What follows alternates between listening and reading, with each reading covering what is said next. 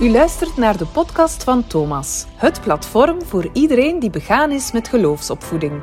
We nemen u hier 50 minuten mee in de wereld van religie en onderwijs. Hallo! Beste luisteraar, in deze aflevering van de podcast zitten we op de Thomaszolder en we gaan in gesprek met Carl Snoeks. Hallo, dag Carl. Dag Lisbeth. Blij u hier te mogen ontvangen op onze zolder. Ik weet niet of je dit al weet, maar je bent al eens genoemd geweest in, de af, in een van de afleveringen van de podcast van Thomas. Weet je dat wel? Ik denk er lieven. Hè? Ja, ja. heel juist. Ja. Ik vroeg hem naar een primeur en jij was de primeur. Ja. Um, dus vooral jouw boek was de, de, primeur natuurlijk. En dan in maart 2022 kwam uw boek dan ook uit, Scholen die naar de sterren reiken, begintermen voor het katholiek onderwijs. Het dient als kritische reflectie op onderwijs, dat boek. En het woord begintermen maakt mij enorm nieuwsgierig echt goed dat we hier de tijd hebben om hier dieper op in te gaan. U reist ook het hele land door met dit boek. Ik heb al collega's gehoord, zelfs een collega wiskunde, uh, die u al heeft mogen spreken. Die was uh, onder de indruk van u. Altijd uh, leuk. Hoeveel lezingen gaf u ondertussen? Oh, ik heb ze niet geteld, Lisbeth, maar het verwondert mijzelf ook een beetje. Hè. ik, ik heb dit boek een stukje geschreven bij mijn afscheid. Hè. Ik ja. ben gepensioneerd sinds mei niet toevallig, een beetje gelijk uitkomend met het boek. En ik had zo gedacht, ja, dat is een soort afscheid. Ja. Ik geef dat door, dan is het gedaan. Maar dat blijkt dus niet te kloppen. Nee. het blijkt dat veel mensen uh, graag nog in gesprek gaan. En dat gaat, over, dat gaat zowel over scholen als zelfs over organisaties buiten onderwijs. Dus ik ben per week ja, gemiddeld toch één, soms twee keer wel op weg. Hè? In, ja. Na heel verschillende fora. Zo, hè? Ja, ja, fantastisch eigenlijk. Dus uh, u dacht, voilà, ik ga hier uh, van mijn pensioen genieten, maar het is anders uitgedraaid. Wel, uh, wel ja, het is ook genieten. Ook, ja, ja, ja, ja. Voor de luisteraars die u eventueel nog niet kennen, ga ik u even situeren in plaats en tijd. Bij het bekijken van wat je allemaal gedaan hebt, uh, zie ik één grote rode draad. Een enorme inhoudelijke passie voor onderwijs. Je hebt onderwijs ook vanuit verschillende hoeken ervaren. Namelijk, je was leraar godsdienst. Wel, welke vakken hebt u nog gegeven? In het, in het secundair onderwijs voornamelijk godsdienst, maar ook uh, uh, geschiedenis en kunstgeschiedenis. Zo de relatie godsdienstgeschiedenis kunst is ook, ook ah, een passie ja. van me. En dan heb ik een tijdje in, in, het, in, het, in het hoger onderwijs ook lesgegeven. En dan was het ook uh, ja, de voorloper van RZL eigenlijk. Toen heette het vak nog filosofie, maar ik, ik, het was ook een, een synthese eigenlijk van, ja. van religie en zingeving dat ik daar gaf. En ook in het uh, AISO, TSO en BSO. En dan ook nog eens directeur geweest van een school. Hoe lang? Uh... Oh, 15 jaar. 15 jaar, 15 jaar ja. En dan ook op pensioen gegaan als directeur bij de dienst Identiteit en Kwaliteit van Katholiek Onderwijs Vlaanderen. En dus inderdaad dat boek als afscheid, maar eigenlijk vooral ook als begin. Want jouw boek is een pleidooi voor het onderbreken van de ma maatschappelijke prestatielogica. Dus het is volgens uw boek niet opportun of zelfs gevaarlijk, een gevaarlijke trend dat scholen als doel hebben om leerlingen enkel klaar te maken voor een economisch systeem. Wanneer kreeg je eigenlijk dit idee voor jouw boek? Was er een noodzaak volgens oh, jou? Ik heb, er zijn twee dingen misschien die meespelen. Hè. Ik schrijf hier. Uh, die, die constatatie is niet recent. Hè? Ja. Hè, de, 10, 15, 20 jaar geleden schreef Marta Nussbaum en anderen daar al over eigenlijk. Mm -hmm. hè. Maar er zijn, er zijn twee dingen die meespelen. Hè. Dus uh, een jaar voordat ik op pensioen ging, heb ik een, een lang gesprek gehad met Lieven Boeven, hè, mijn toenmalige baas. En, en het, hij vroeg mij hè, van, van, je hebt nu veel geschreven uh, in de loop van je carrière, maar het zou goed zijn van daar ergens een synthese van te maken. Daar is het boek dan een, een stukje uit ontstaan. Hè. Ik had twee dingen uh, die ik wilde naar voren brengen in het boek. Hè. Ten eerste een, een, een, een hoopgevende, positieve boodschap overdragen naar iedereen die geïnteresseerd is daarin. Hè. Dat, dat mogen godsdienstleerkrachten zijn, maar dat kan iedereen zijn, elke directeur, elke, iedere medewerker van elke school in Vlaanderen hè, en daarbuiten een, een sprankeltje hoop geven. Maar tegelijkertijd, hè, en ik heb dat toch wel serieus willen benadrukken, ook in een boek, een grote zorg. Hè. Een zorg eigenlijk van als wij niet oppassen, dan zijn wij uh, ons onderwijs in één straatje aan het sturen. En dat straatje zal het vroeg of laat, en mijn inschatting is eerder vroeg van laat, gewoon onmogelijk maken van nog over bezieling of over transcendentie, over het heilige, over, over het andere. Hè, een, een, heel brede term natuurlijk, maar snap wat ik bedoel? Hè, over mhm. andere dingen hè, dan het puur functionele in onderwijs te spreken. En daar heb ik getracht hè, dat heel duidelijk te stellen. Van, van, we doen heel veel in katholieke scholen alsof dat we over inspiratie en zo spreken. Maar eigenlijk is dit een gebeuren geworden dat zich heel sterk in de marge afspeelt. En dat misschien nog wel door onze leidinggevende, maar niet door degene die het te zeggen hebben over onderwijs in Vlaanderen zelfs ernstig wordt genomen of gewaardeerd. Ja. Ja. Ja. Welk verhaal wil je dan brengen in dit boek? Ja. Eerste verhaal, hè, wat ik net zei, hè, we moeten er zijn twee bewegingen eigenlijk, hè, die gemaakt hebben dat het zo moeilijk is om over uh, identiteit te spreken. Hè, over, over het religieuze of, of het levensbeschouwelijke in brede zin te spreken. Hè. De, de, de vergaande secularisatie, hè, het boek van Charles Taylor, hè, The Secular Age en zo, maakt dat we, denk ik, hè, uh, dat we gewoon moeten zoeken in de doorsnee leraarkamer, ik kan zo zeggen, hè, hè, is zo geseculariseerd, denk ik, dat de taal die wij daar spreken gewoon niet verstaan wordt. Hè. Dus we zullen moeten zoeken, er zijn wegen natuurlijk, dat zijn, dat zijn wegen binnen de scholen waar dat, dat wel kan, maar we zullen effectief moeten zoeken naar andere talen en andere wegen. En ja. de taal die wij spreken, wie is die wij? Goh, wij zijn wij allemaal. Hè? Ja. Hè, bedoel, ik, ik, ik, ik hou niet van het wij-zij-verhaal als wij de goede en zij de slechte. Nee, nee, wij zijn allemaal kind van dezelfde maatschappij. Dus als wij over onderwijs spreken, hè, zeker in, in, in het officiële spreken eigenlijk, hè, dan gaat het eigenlijk om, om een vrij functionele taal van wij moeten presteren, hè, wij moeten zorgen dat leerlingen goed terechtkomen in de maatschappij, hè, wij moeten dit, wij mo moeten dat. Hè, en de, de, de, de, de taal, hè, waarin een andere manier over onderwijs, over vorming in brede zin uh, mogelijk is, die ook, is ook verdwenen bij ons. Gelukkig hè, zijn er nog leraren en zijn er, zijn er, zijn er zijn er mensen binnen onderwijs die in de marge van dat discours ook nog wel andere dingen doen. Tegen beter weten in, denk ik. Hè? Mhm. Want het zijn niet die dingen die, die controleerbaar, die zichtbaar, hè, die aftoetsbaar zijn, die, die worden een stukje onbelangrijker geacht, maar toch doen ze het. Omdat ze niet anders kunnen, denk ik. Omdat ze denken, ja, ik ben in onderwijs gegaan om iets anders, denk ik, dan, dan puur dat functioneel, hè, neoliberaal discours mee te voeren, denk ik. Hè. Ja. Allee, weet ik ook wel, voel ik ook wel. Hè. Dus je zei, ik wil een aantal verhalen brengen. Dat was uw eerste verhaal. Ja, het tweede, tweede verhaal is dan, wat ik juist het zei, hè, het, het, neoliberale verhaal, dat daar een stuk, dat, en dat is vrij recent. Hè. Ik denk dat ik ben begonnen in katholiek onderwijs rond het jaar 2000. Ik heb dit echt zien groeien. Hè. Sinds, sinds de legislatuur van Frank van den Broeke, waar overigens een goede minister was, maar heel, heel duidelijk de visie, onderwijs dient een maatschappelijk, dient een economisch nut en de taal, meestal de Engelse taal, Engelstalige woorden die wij gebruiken, die, die moeten daar. En dit maakt, hè, en moet, moet, dat, moet, dat goed, moet dat goed begrijpen hoe dat, dat werkt, hè. als je op die manier denkt over onderwijs, dan is het objectiveerbare van zeer groot belang. Het vergelijkbare tussen scholen en leerlingen en zo. Dus dit maakt dat neutraliteit bijna de enige weg is die je kan gaan. als, je, als je wil objectiveren en vergelijken en wil meten en dergelijke, ja, dan, dan heb je geen boodschap aan geïnspireerde verhalen of die een directeur die zegt, ja, ik wil toch een keer iets anders doen. Nee, doe gewoon hetzelfde, dan kunnen wij. Dus dat is, dat is zo dominant vanuit u, moet gewoon een keer de Vlaamse regeringsverklaring lezen, dat is het eerste woord. Hè. We hebben in Vlaanderen alleen maar hersenen en die hersenen moeten ervoor zorgen hè, dat we competitief zijn wereldwijd. Daarvoor dient onderwijs. Maar ook, hè, natuurlijk binnen, niet alleen binnen de overheid, maar dat dringt heel sterk door natuurlijk binnen, binnen onze scholen. Zo'n directeur denkt, ja, ik zal maar zot zijn als ik iets anders doe. Hè.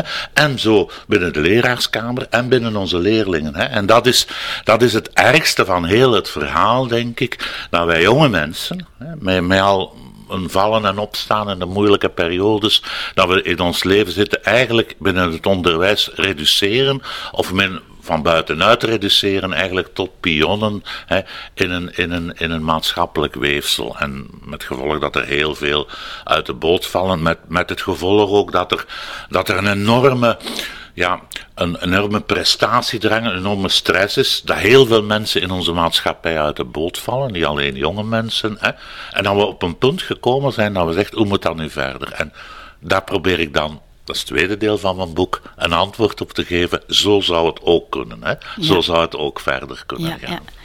Hoe werd uw boek ontvangen? Want die boodschap dat je geeft, hoe werd uw boek ontvangen bij verschillende onderwijsnetten? Bij verschillende onderwijsnetten. Ik moet zeggen, natuurlijk vanuit Katholiek Onderwijs Vlaanderen zijn we heel mhm. erg gefocust geweest hè, op het katholiek onderwijs.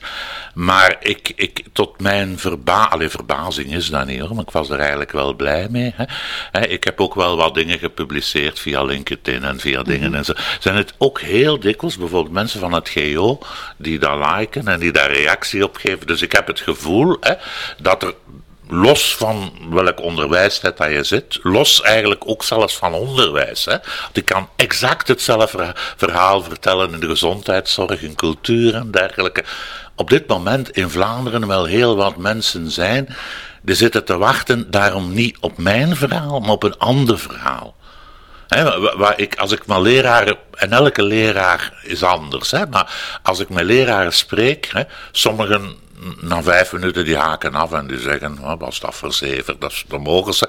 Maar wat ik ook heel dikwijls hoor, is een soort opluchting, een soort zucht van, eindelijk, komt er hier een keer iemand niet om te zeggen wat dat wij moeten doen en waar dat we slecht in zijn en waar dat we tekort stellen. Niet met de rode stift, maar gewoon een aantal dingen met de groene stift aangeven van kijk mensen, jullie hebben zo'n belangrijke job en dat zijn ook mogelijkheden die je hebt met, met jonge mensen om te doen. Maar dan moet je een stukje onderbreken hè, wat op dit moment als dominant discours in onderwijs wordt gehanteerd. En dat is dan het mooie eigenlijk, maar dat ligt niet aan mij. Dat is denk ik uh, een heel sterk gevoel, denk ik, binnen, binnen, binnen heel de westerse wereld. Hè, dat er nood is hè, aan dat heel unilateraal discours te, te onderbreken of uh, iets anders. Dus eigenlijk merkte u een nood aan zingeving? Ja, ja met, met, met, met die zin, hè, met, met, in die betekenis dat het woord zingeving hè, uh, voor sommigen uh, misschien al te te gefocust is. Hè, van, van, hè, ik, ik ga nu een bepaalde zin. Eerder de ruimte om tot zingeving te komen. hè? Ja. De ruimte om, om, om te, heel veel jongeren ook. Hè, dus dat denk ik van.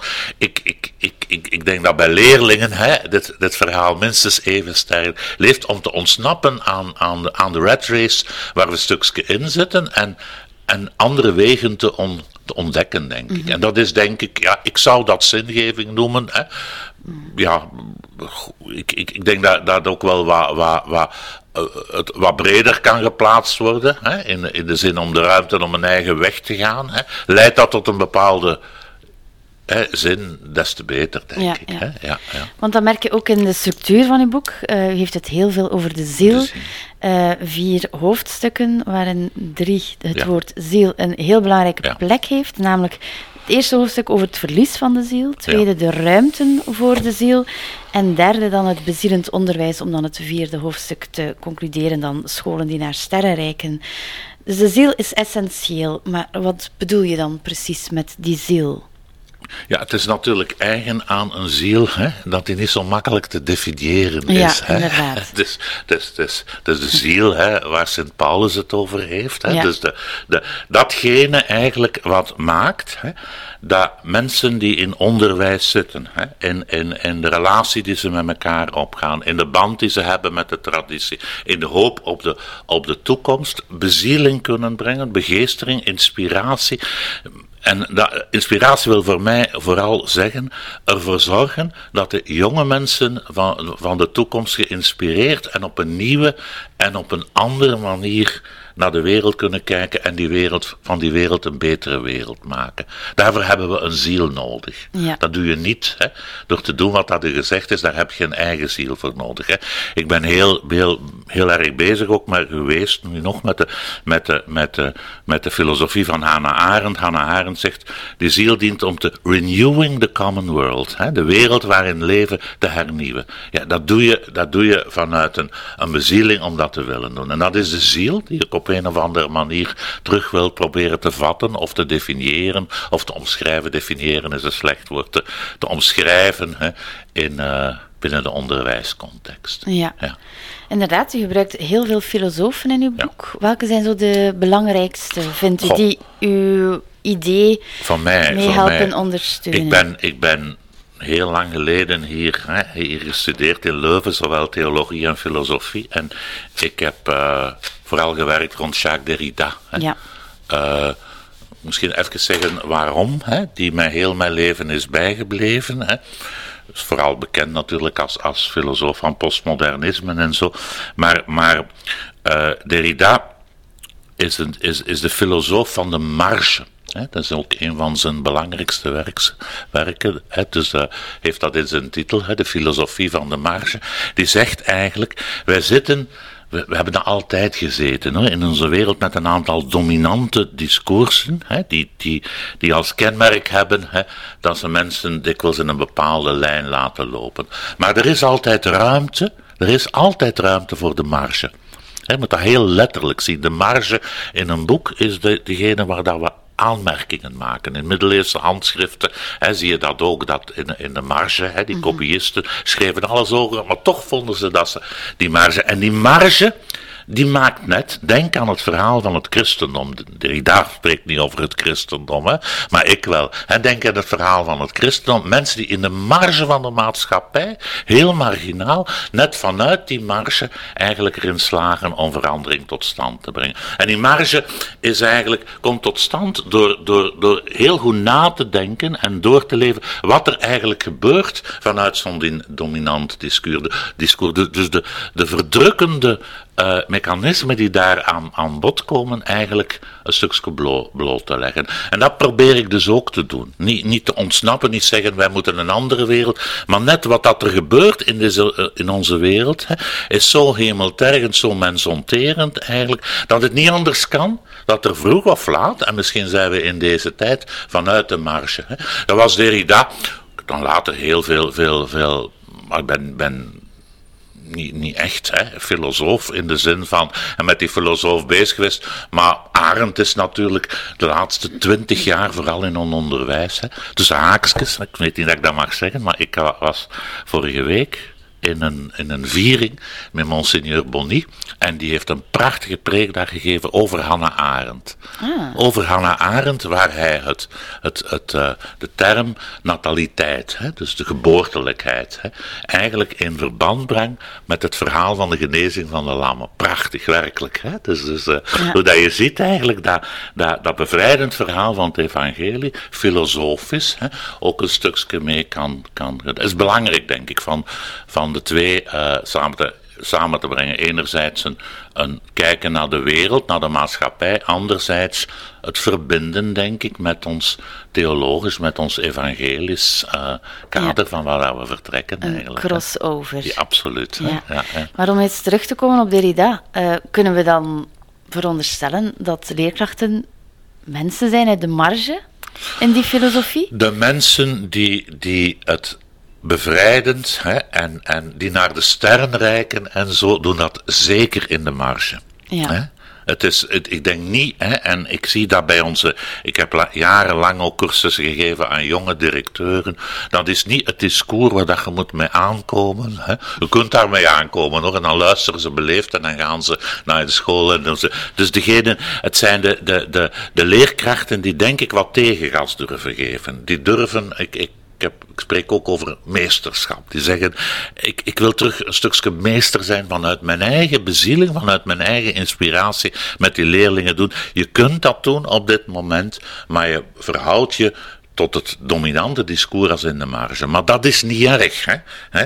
Dat is een, een, een Franse uh, uh, Kidias, denk ik, hè, die, die, die, die gezegd heeft, c'est la marge qui tient la page. Hè. Als de mhm. marge er niet zijn, dan valt uw boek gewoon uit elkaar. Dus het is net een bemoediging hè, van, van, uh, van die leerkrachten die in de, of die directeurs of die leerlingen ook, hè, die in de marge durven, durven gaan staan, denk ik. Hè. Ja, ja. dat zou toch een mooie uh, reclameslogan zijn om het lerarentekort de wereld uit te helpen. Uh, ja, ja, absoluut. Ja. Ik, ben, ik heb ook een lezing van u meegemaakt. En je had het daar over Triniteit als pedagogie.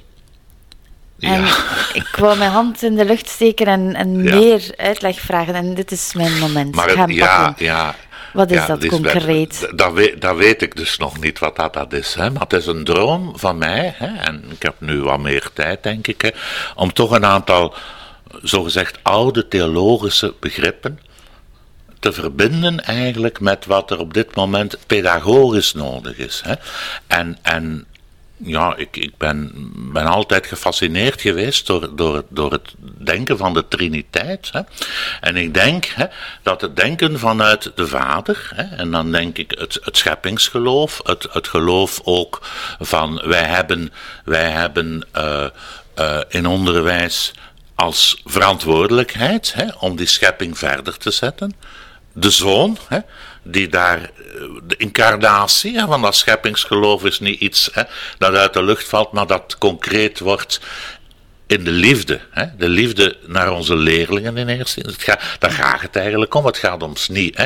Om, om, om puur inhoud, maar wat doen jongen. En vooral natuurlijk hè, de geest, hè, die, die als derde uh, persoon van de Triniteit soms wat ondergeschoven wordt, denk ik, zeker in onze westerse, hè, minder in de orthodoxe kerk. Maar omdat dat net de, de, de teken is van de inspiratie en we geven het verder en we geven het vanuit zo'n grote gedachte van de hoop verder in ons onderwijs, dat we de jonge mensen de kans laten hè, om er een nieuwe wereld mee te creëren. Hè. Dus vandaar die drievoudige gedachten, hè, van vertrekken vanuit een, een geloof in een wereld die we moeten verder geven. Vanuit de Vader geeft ons, de Zoon hè, geeft ons, ons de kans, denk ik, om dat liefdevol te doen. En de Geest, hè, de geest hè, uh, wijst ons naar de toekomst. Maar nog eens, hè, er zijn maar zeer ja. primaire gedachten, maar dat soort dingen interesseert mij wel. Zo van, van hoe kunnen wij, wat, al even lang hè, belangrijk is, onze cultuur en in onze religie, theologie en filosofie, hoe kunnen we dat op een actuele manier uh, uh, vertalen? Want als ik dat concreet probeer te maken, dan gaat het tot op dat niveau eigenlijk dat eigenlijk elke leraar, niet alleen de leraar godsdienst, hè, maar ook de leraar wiskunde en de leraar wetenschap, al zegt, ah ja, ja, ja, dat is toch wat dat ik uh, in mijn school ook mee bezig ben. Seculier, hè, maar liefst ook uh, wat, wat dieper hè, en, ja. en wat verder gaand. Ja. Je spreekt daar over de pedagogie van de vergeving ook ja. in uw boek. Waarom is dat zo belangrijk de, in een onderwijscontext? De, de, een van de grote problemen, denk ik, hè, uh, in onze maatschappij en daarom ook in een onderwijs, hè, is dat wij geen taal meer hebben of, of geen, geen reële mogelijkheid om het kwaad als kwaad onder ogen te zien. En we hebben wel heel veel therapieën en dergelijke om er mee om te gaan.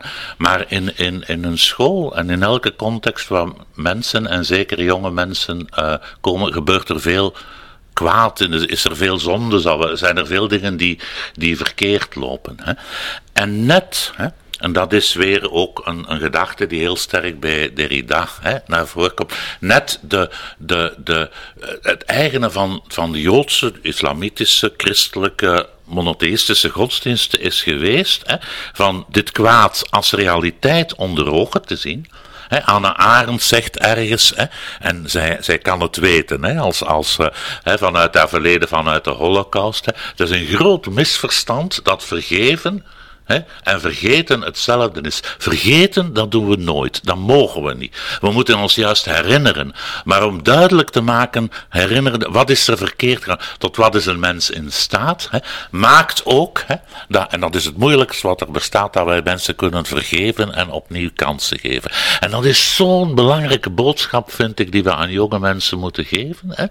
Vooral die jonge mensen die tegen de lamp lopen of verkeerd doen, van in onze scholen is er altijd niet ene keer, maar zevenmaal zeven keer, hè, kans eigenlijk om opnieuw te beginnen. Soms moeten wij beslissingen nemen, maar eigenlijk is er altijd perspectief.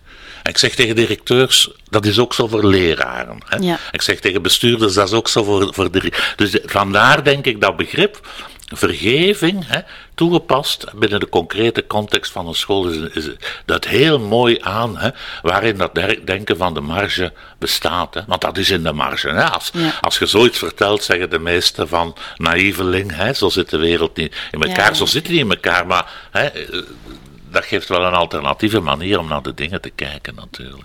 Het is zoals eh, de opluchting die je ziet in de ogen van leerlingen als, je zegt, Ja. als ze zeggen van ik kan het niet, dat je kan zeggen van nee, nee, je kan het nog niet. Ja, het ja is hier, oké. dus het, het, het, het, het, het altijd, maar ook, hè, hè, zware, het, het kan intellectueel zijn, maar ook, ook in het leven natuurlijk. Hè, is er heel veel verdriet en dingen die verkeerd lopen. De school is dikwijls de plaats die, die in tegenstelling tot in de maatschappij en de kans geeft van toch nog eens opnieuw te beginnen. Hè. De geboortelijkheid, het, het- de nieuwe geboorte, het toch nog eigenlijk, ik, ik heb zelf hè, heel lang in het BSO gegaan, dat is de concrete realiteit. Hè. Hè, die leerlingen komen binnen met een ongelooflijk verdriet en, en dingen die ze in hun leven hebben meegemaakt. Wat kan de school doen? Zeggen, ook jij hè, bent er eigenlijk, ook jou geven we aandacht en geven we de kans eigenlijk om als mens te groeien, u te ontwikkelen, nieuwe mensen te worden. Dat is die hoop. Hè. Ja. Die hoop in een levendig houden het is eigenlijk een oproep tot mildheid, uw boek. Eh, ja, dat, dat zit er eigenlijk in, maar, maar vergeving kan, kan ook wel, wel tegelijkertijd. eh, is, is niet hetzelfde van alles, alles door de vingers zien. Hè. Het is daarom dat Arendt zegt, is niet vergeten. Hè. Hij is ook mensen confronteren met een aantal dingen. Hè. Dat mag. Hè. Dus dat hoeft eigenlijk niet altijd mild gezien. Maar boven, hè, boven of, of, of, of, of verder gaan hè, dan de beslissing die je neemt, altijd het perspectief geven van elke mens krijgt kansen. Hè. En nog, dus nog iets anders denken. En mildheid heeft zo de dingen van, hè, we, we, we laten het allemaal maar passeren. Dat denk ik juist niet. Hè. Ik denk dat we ook duidelijk het kwaad hè, en dingen het kwaad. Hè, dus de dingen die verkeerd gaan, moeten durven tonen en durven wijzen aan mensen. Dat is wat in onze samenleving niet meer kan. Hè. De- we hebben een positieve samenleving. Alles moet smooth zijn. Hè. Alles moet aan de oppervlakte in orde lijken. Hè. De, de likes in Facebook. Hè. Hè, dat is, is heel, heel fundamenteel. Allee, dat, dat is eigenlijk wat uiterlijk van onze samenleving op dit moment bepaalt eigenlijk. Hè. Ja, ja. Is dit dan, want we hebben het vooral over leerlingen, maar geldt dat dan ook voor korpsen onderling? Absoluut, ja, ja, ja. Waar zie je daar kansen? Ja, ik denk in ieder geval, hè, hè, en zo, zo eh, geef ik het boek ook verder aan, aan, aan, eh, aan, eh, aan scholen. Hè. Ik beschrijf daar een aantal ruimten in. Hè, En ik, ik, ik, ik vraag gewoon aan de mensen van een keer na te denken. Of, of, of, of daar een keer op een of andere manier, denk ik, eh, voor zichzelf en met elkaar in over dialoog te gaan waar die ruimte in hun school zich nog bevinden. Hè? En je krijgt daar heel veel verschillende antwoorden op. In, in, in sommige basisscholen zijn ze heel enthousiast en beginnen ze dat in te vullen in projecten. Dat kan voor mij. Sommige secundaire scholen, de meeste secundaire scholen, is dat zo wat aarzelend. Hè? Maar, maar als je dan bijvoorbeeld dat thema vergeving of thema verandering is ook natuurlijk een heel. Waar kunnen wij echt hè, zorgen dat er dingen kunnen veranderen in onze school? Wel, leraren moeten daar zelf, denk ik, hè, eh, onderling eh, over nadenken. En, Ja. en vanuit die marge, denk ik, hè, ook durven een aantal dingen op een nieuwe, op een andere manier doen. En ik hoop dat dat eh, een stukje lukt. Ja. Hè. En natuurlijk, hopelijk krijgen ze dan ook de ondersteuning van directie. Ja, is, is heel essentieel en is één van mijn grootste zorgen op dit moment. Hè. We hebben heel goede directeurs en mensen die heel gemotiveerd zijn. Maar als de, als de taal, hè, en het gaat heel dikwijls ook over de taal, hè, bij de directeurs niet meer is, hè, dan mag je nog zo'n mooi pastoraal team of een goede godsdienstleerkracht of leerkracht wiskunde of ik weet niet waar. Dat gaat niet lukken natuurlijk, hè, omdat je, dat, je, dat je een officieel discours hebt dat daar een stukje tegenin gaat. Dus ik denk naar vorming, hè, dat onze directeurs, onze bestuurders een heel belangrijke doelgroep zijn om die ruimten hè, minstens bespreekbaar Maar ook daar is er een tekort, zie ik. eh. Ja, Ja. Maar, maar dat is natuurlijk, allee, dat lerarentekort, hè, tekort van directeurs, hè, is, is, een, is een heel belangrijk gegeven. Hè.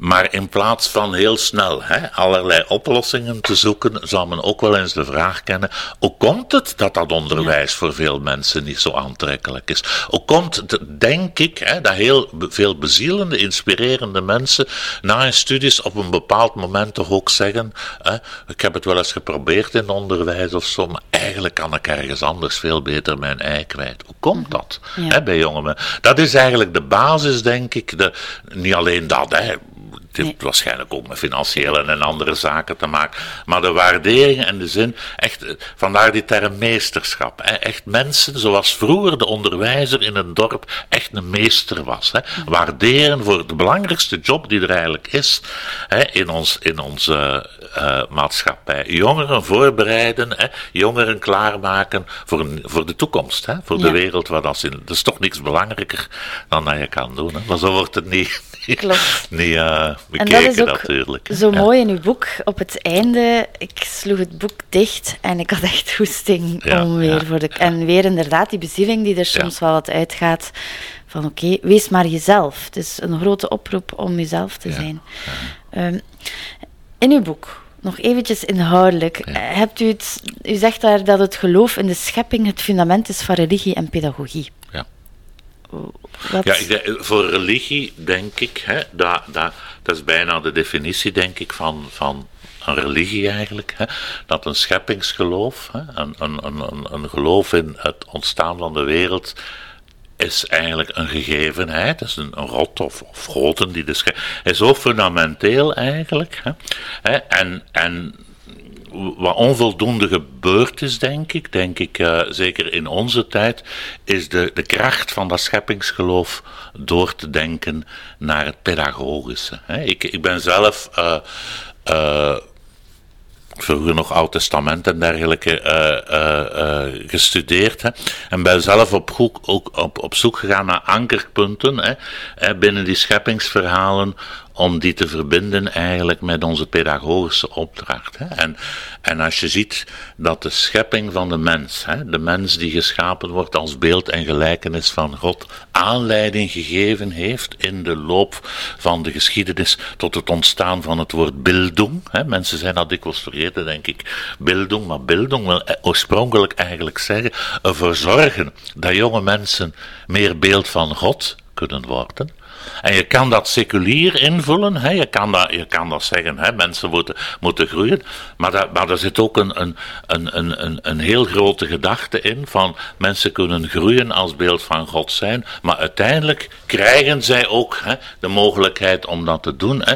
En er zijn nog voorbeelden hè, uit, uit, uit, uit die scheppingsaal. Dat maakt denk ik dat schepping hè, uh, creativiteit, hè, kunnen creëren, durven creëren, durven voor nieuwe dingen gaan, geboortelijkheid. Hè, Waar mhm. Anna Arendt zegt heel fundamenteel is om die ruimte, eigenlijk de eerste ruimte is die ik altijd eigenlijk beschrijf, hè, om naar een andere manier naar onderwijs te kijken. ja. ja.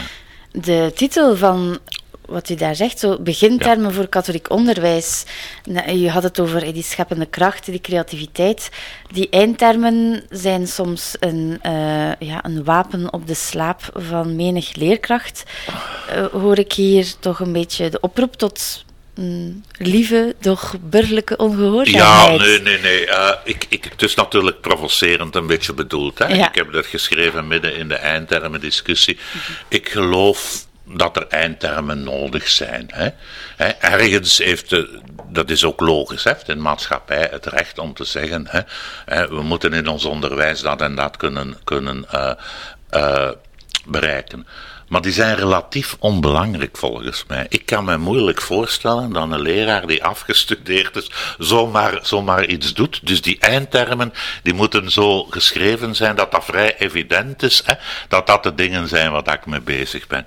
Maar het, het, de illusie hè, dat dat ook betekent hè, dat we als onderwijs hè, verplicht zijn van die eindtermen te halen en die af te vinken, dat doet tekort aan de complexiteit, denk ik, van wat onderwijs is.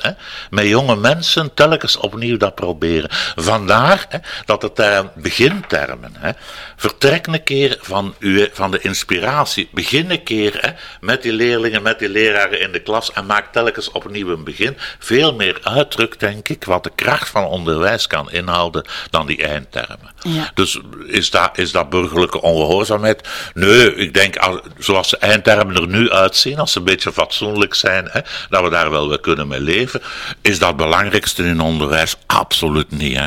Mhm. de, de, en dat is iets, denk ik, waar ik, waar ik, waar ik ook al jaren tegen gevochten heb. De illusie hè, van dat alles in doelen moet omschreven worden en de illusie dat we die doelen dan ook nog zullen halen, dat is ook een van de grootste ja, zaken waar we later van gaan zeggen, wat was die maatschappij eigenlijk, eigenlijk mee bezig? Alsof een mens, hè, alsof mensen zo in elkaar zitten en alsof de vorming zo in elkaar zit. Dat, dat, is niet zo. Hè? Ja. Hebt u weet van dat dit boek al bij in Politieke Middens is oh. terechtgekomen? nee. Ligt dat niet op het nachttasje van Ben Wijts? nee, nee. Ik denk, ik denk, ik denk dat is, dat is zo'n ander... Dus ik, denk, ik verwacht ook... Allez, ik heb respect over politici, maar ik heb er te lang eigenlijk in, in, in de Gimaarstraat, hè, in dat soort voorraad gezeten. Ik verwacht ook niet hè, dat het vandaar zal komen. Ik denk dat het van beneden uit, van onderuit, van de leraren zelf moet komen. En als die leraren zelf hè, naar iets anders vragen, ja, een politicus vroeg of laat die gaat daarop in. Hè, die doet wat dat de mensen vragen. Maar we moeten denk ik met heel veel aandrang hè, proberen hè, te zeggen, het gaat om ons om iets anders binnen dat onderwijs dan jullie denken waar dat om gaat. Ja. ja. U weet wel het vuur uh, te doen branden. Ik krijg hier uh, een klein schokje dat ik denk, ja, oké, okay, uh, nog eens een pleidooi voor identiteit op school. Absoluut. En hoe zie je de rol van het vak godsdienst? Daar hebben we het nu nog niet over gehad. In de katholieke dialoog. Ik heb daar enorm veel ben zelf begonnen als godsdienstleraar. Eh, enorm veel respect ook, omdat ik denk dat in die, de laatste decennia hè, het altijd moeilijker en moeilijker geworden is om die boodschap te brengen. Maar ik zou durven, durven zeggen, hè, als jullie het niet doen, hè, als jullie het niet doen, gaat niemand het niet meer doen. Hè. Dus uh, de, de, de Arend ook zegt, hè, de, drie, de drie, wat we het daar juist over gehad hebben, vader, zoon en geest, maar de drie elementen eigenlijk. Hè. Het eerste wat je moet doen in onderwijs, hè, is sterke inhoud geven. Als je de boodschap niet meer kan over, als, als, je, als leerlingen niet meer weten waar dat over gaat, waar religie over gaat, hoe kun je dan achteraf hè, uh, vragen dat ze zich toe verhouden. Dus blijf, denk ik, hè, het vak godsdienst opvatten, zoals andere vakken, zoals wiskunde en wetenschappen, als een, als een, een belangrijke verantwoordelijkheid die je hebt, hè, om wat wij belangrijk vinden in onze scholen, in onze cultuur, vroeger en nu door te geven. Maar stop daar niet mee. Hè, en probeer dan ook te zoeken, samen met je leerlingen, denk ik, hè, naar nieuwe wegen om die, om, die, om die godsdienst, die religie, die zingeving op een andere manier hè, vorm te geven. Renewing the Commonwealth. Hè. Als ik zie wat er allemaal leeft bij jonge mensen, hè, hè, na, na, na, na, na bekommernis, naar duurzaamheid, naar rechtvaardigheid, en denk, dan denk ik, zijn er genoeg aanknopingspunten, denk ik, hè, om een religieus verhaal te verbinden met dat verhaal. En wie zal het aan... Allez, ik zeg, er zullen genoeg mensen zijn in de school die daar ook door gegrepen zijn. Maar wie kan anders de link hè, met de inhoudelijke van religie uh, anders maken dan de godsdienstleraar? Dus ik denk, jullie hebben een ongelooflijk belangrijke taak om, om ervoor te zorgen dat scholen naar de sterren kunnen reiken. Hè. Anders, anders gaat het gewoon niet lukken, denk ik. Dus ik geloof 100% in de toekomst van het vak. Hè. En ik denk dat we er echt moeten voor blijven gaan. Hoe moeilijk dat het ook is, denk ik. Ja, inderdaad. Maar het is wel een, een mooi vak waar je ook uh, heel veel leerlingen mee bereikt. Absoluut. Hè, en vaak is het zaaien. Uh... Ja, denk ik. Hè, denk ik. Ik, ik weet, ik, ik, je staat er veel dichterbij dan ik, denk ik. Maar ik geloof in de kracht ook van die, van die eeuwenoude verhalen.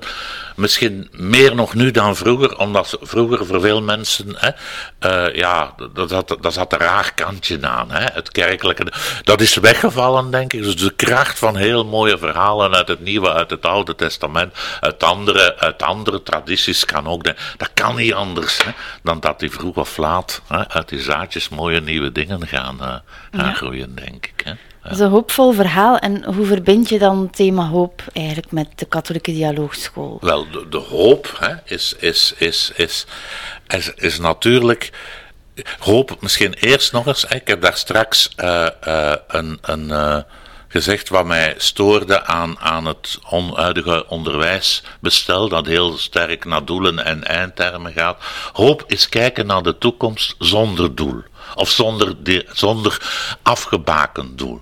Hoop is denk ik komt vooral op dat moment, hè, wanneer het allemaal hopeloos lijkt en wij toch eigenlijk vanuit ons geloof weten, als wij ervoor gaan, als wij er blijven in geloven, hoe marginaal dat gebeuren ook is, uiteindelijk komt het goed. Want wij geloven in een God hè, die er uiteindelijk voor zorgt hè, dat, dat we tot ons recht komen en dat de wereld getransformeerd zal. Dat is, zal worden. Dat is eigenlijk de kern, de kern van de hoop. En in een vorig boekje dat ik geschreven heb, dat, dat zeggen hoop doet leren. Dat, dat is mijn pleidooi ook van die hoop Ernst Bloch hè, is een, een, een, een, een Joodse filosoof die zegt: hè, hoop kan je ook leren in onderwijs. Dat is niet zo'n vage gedachte, maar door wat dat je brengt hè, in het vak godsdienst of in andere vakken eigenlijk, kan je die, die hoop als het ware binnenbrengen hè, bij, bij je leerlingen en ervoor zorgen dat ze die hoop niet verliezen hè, in de toekomst van hun leven. Dus hoop is heel fundamenteel natuurlijk als, als, uh, als openheid van de geest, hè, ja, hè, van waar. Uh, waar wij allemaal uh, ja, naar hopen. Hè? Ja. In hoop hopen, durf ik maar zeggen. Hè? Ja. Dus die katholieke dialoogschool, zijn er uh, gevaren van een katholieke dialoogschool volgens u? Ik denk, hè, en ik kijk naar mezelf. Hè. Ik ben zelf directeur geweest van een dienst Identiteit en Kwaliteit in Katholiek Onderwijs Vlaanderen. Hè. Dus ik ben met de Katholieke Dialoogschool heel Vlaanderen uh, rondgedaan. Maar ik denk achteraf. Uh, ja, katholieke dialoogschool is een typologie, hè, is een type. Hè. Je kent de verschillende typen. Zo'n type, de, de, de, het gevaar is een beetje dat mensen dat gaan invullen hè, als iets dat moet, dat bestaat al in, in de realiteit en dat dat en dat en dat hè, maakt ons tot katholieke dialoogschool en dan niet. Ik denk daar zitten twee gevaren aan. Ten eerste, wat is een school? Dat is geen homogeen geheel, hè dat kan best zijn dat een directeur zo denkt, in een leraarkamer wordt dat gezegd, in de klas wordt dat gezegd, je hebt verschillende groepen leerlingen. Dus is een school een katholieke dialoogschool? Dat is heel moeilijk. Waarschijnlijk zullen er hier en daar nog wel mensen zijn die daar ja, kruimeltjes, die, die, die daar de sprankels van hoop eigenlijk levendig houden, maar ook anderen niet. Dus ik denk in elke school en dat is dan veel minder een ideologisch verhaal. In elke school kunnen wij zoeken naar, naar, naar, naar impulsen, naar mogelijkheden, inspiratie die die katholieke dialoogschool levendig houdt. Dat is één zaak. Een tweede, ik ga, ik illustreren hoe het soms verkeerd gelopen is met een voorbeeld. Het was gisteren, hè. Zat ik nog met een directeur van veel scholen, hè. En die vertelde mij, ah, we hebben verschillende scholen. En sommige zijn katholieke dialoogscholen en andere niet. En waarom waren sommige katholieke dialoogscholen? Omdat er in sommige scholen hè, heel veel islamleerlingen zaten en in andere niet. Hè. Dus die scholen met islamleerlingen, daar zegt hij, ja, daar kunnen wij katholieke dialoogschool zijn. In andere gaat dat niet, hè, want daar kunnen wij geen dialoog voeren. Dus gevoeld hoe, hoe, hoe ook door, door ja, de maatschappelijke perceptie en zo, dat een beetje verengd is tot een aantal items. Hè, uh, waar het eigenlijk niet om gaat. Dus mijn idee is, hè, ja, hè, elke school is een soort mengvorm, denk ik, van verschillende identiteiten. En laat het boek, of laat ons met ons allen, juist daar in die school, hè, want die, zijn, die, die, die, die, die mogelijkheden bestaan er zeker, hè, waar identiteit hè, of inspiratie terug ter sprake kan brengen, laat ons die, die ten volle aangrijpen en groeien hè, in, in, uh, in die katholieke dialoogschool. Ja. Hè. Want misschien vergat die directeur dat er ook zoiets bestaat als intra-religieuze... Natuurlijk, alleen ja, bedoel, dat, Ja.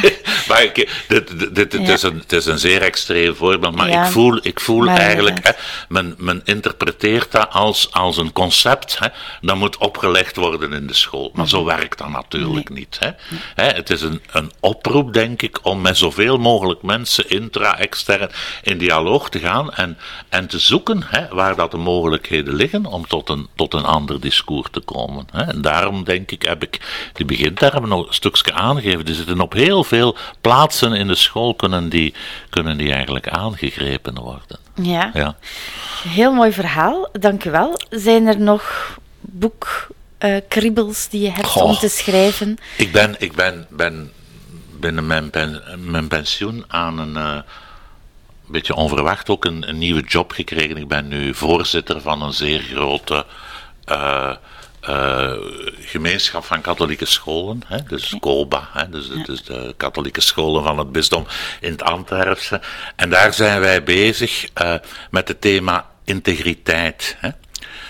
En het, het, het viel mij op dat er eigenlijk ook vanuit, vanuit onze katholieke inspiratie niet zo heel veel over bestaat. Er staan ongelooflijk veel managementboeken over integriteit en dikwijls heel normatief, hè, van wat mag en wat kan en, en wat mag je doen. Hè. En ik denk dat het, dacht, maar het, het is een vaag idee op dit moment, dat het misschien goed zal zijn hè, vanuit onze eigen inspiratie, hè, vanuit filosofisch, theologisch eens een keer na te kijken. Hoe kunnen scholen, directeurs, bestuurders hè, op een integere manier een school leiden hè, en tegelijkertijd ook geïnspireerd zijn vanuit de rijke traditie die we daarin hebben. Maar het is nog maar een heel vaag idee. Ik ben nog met weinig mensen over gepraat eigenlijk. hè. dus maar ik blijf primeur. eigenlijk wel, wel aan, aan, aan Ja. dat soort dingen denken. Hè. Dat, blijft kriebelen. Hè, Ja. Om dingen op papier te zetten. En vooral om te vertellen. Hè, want dat is voor mij veel belangrijker dan het boek zelf. Wat, wat, wat, wat gebeurt ermee eigenlijk? Hoe kunt je mensen zelf eigenlijk eh, een beetje, beetje bezielen? Hè? Ja. Vandaar ze u ook blijven vragen waarschijnlijk. Want inderdaad, de manier waarop dat je vertelt, dan voel je ook dat vuur en de passie eh, die heel belangrijk is. Heel erg bedankt. Ik wens u nog heel veel succes met uw crossovers dat Ja. u maakt. Ja.